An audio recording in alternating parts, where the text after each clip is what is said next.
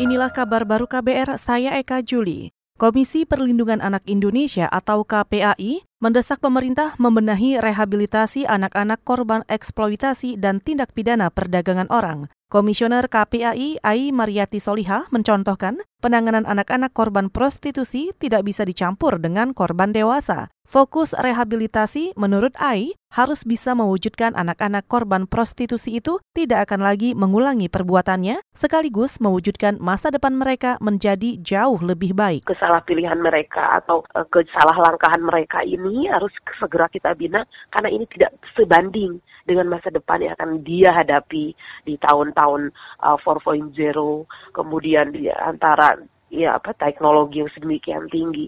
Jadi saya merasa ini bukan menjadi apa ya agenda yang ke apa terabaikan gitu akan tapi ini menjadi satu paket dalam breakdown pembangunan nasional baik itu dalam konteks pemerintah daerah gitu ya. Komisioner KPAI Ai Mariati Solihah juga menuturkan selain pembenahan rehabilitasi, koordinasi antara dinas terkait, sekolah dan orang tua juga penting dilakukan sebagai upaya mencegah anak-anak menjadi korban prostitusi. Ai juga menilai pendisiplinan anak sebagai korban dengan mengeluarkan mereka dari sekolah bukan bentuk pembinaan yang efektif. Harusnya sekolah melindungi anak-anak dan tetap menjamin masa depan mereka. Saudara, di antara kunci keberhasilan transformasi ekonomi nasional adalah dengan mewujudkan target-target ekonomi industri di daerah. Gubernur Bank Indonesia Peri Warjio menjelaskan target itu sebaiknya berkelanjutan dan sesuai fokus pengembangan ekonomi industri di masing-masing daerah. Peri juga mencontohkan Jawa yang fokus pengembangan ekonominya antara lain industri otomotif, elektronik, dan tekstil. Sedangkan Sumatera dan Sulawesi lebih kepada fokus pengembangan ekonomi berbasis sumber daya alam. Kuncinya adalah bagaimana kebijakan yang sudah ada itu diimplementasikan secara konkret di lapangan end-to-end proses. Saya mengusulkan harus targeted. Targeted lebih diutamakan adalah pada kawasan-kawasan industri. Kalau Gubernur BI Peri Warjio juga menambahkan, pemerintah daerah juga harus bisa cepat dalam menyelesaikan segala perizinan usahanya yang berkaitan dengan pengembangan ekonomi industri.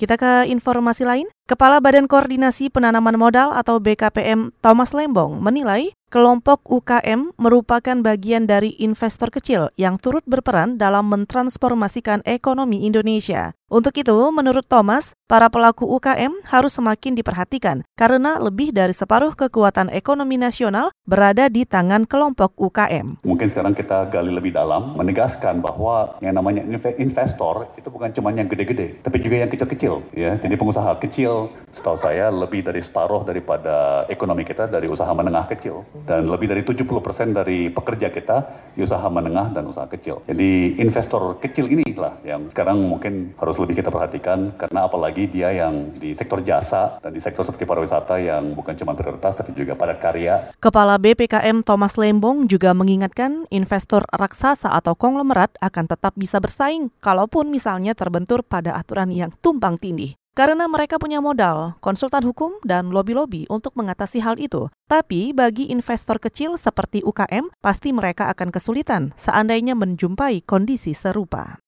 Kita ke Jawa Tengah. Diserang isu bermain fee proyek, Bupati Rembang meminta jajarannya jangan terpengaruh. Selengkapnya disampaikan reporter radio jaringan Musyafa dari Radio R2B Rembang. Bupati Rembang, Jawa Tengah, Abdul Hafid mendorong jajarannya melakukan percepatan karena tahun anggaran ini waktunya tinggal lima bulan. Hafid secara khusus mengingatkan kepada pejabat pembuat komitmen PPK selaku penanggung jawab proyek untuk fokus menjalankan tugas. Ia menjamin tidak akan mempengaruhi tahapan proyek agar dimenangkan oleh pemborong tertentu. Menurutnya, sempat muncul serangan isu Bupati menerima fee proyek dengan menggerakkan orang-orang tertentu sebagai mesin uang. Ia menegaskan hal itu tidak benar. Di luar ini, isu ini dan itu sudah biarkan aja. Yang penting Anda ini berjalan sesuai Tuhan.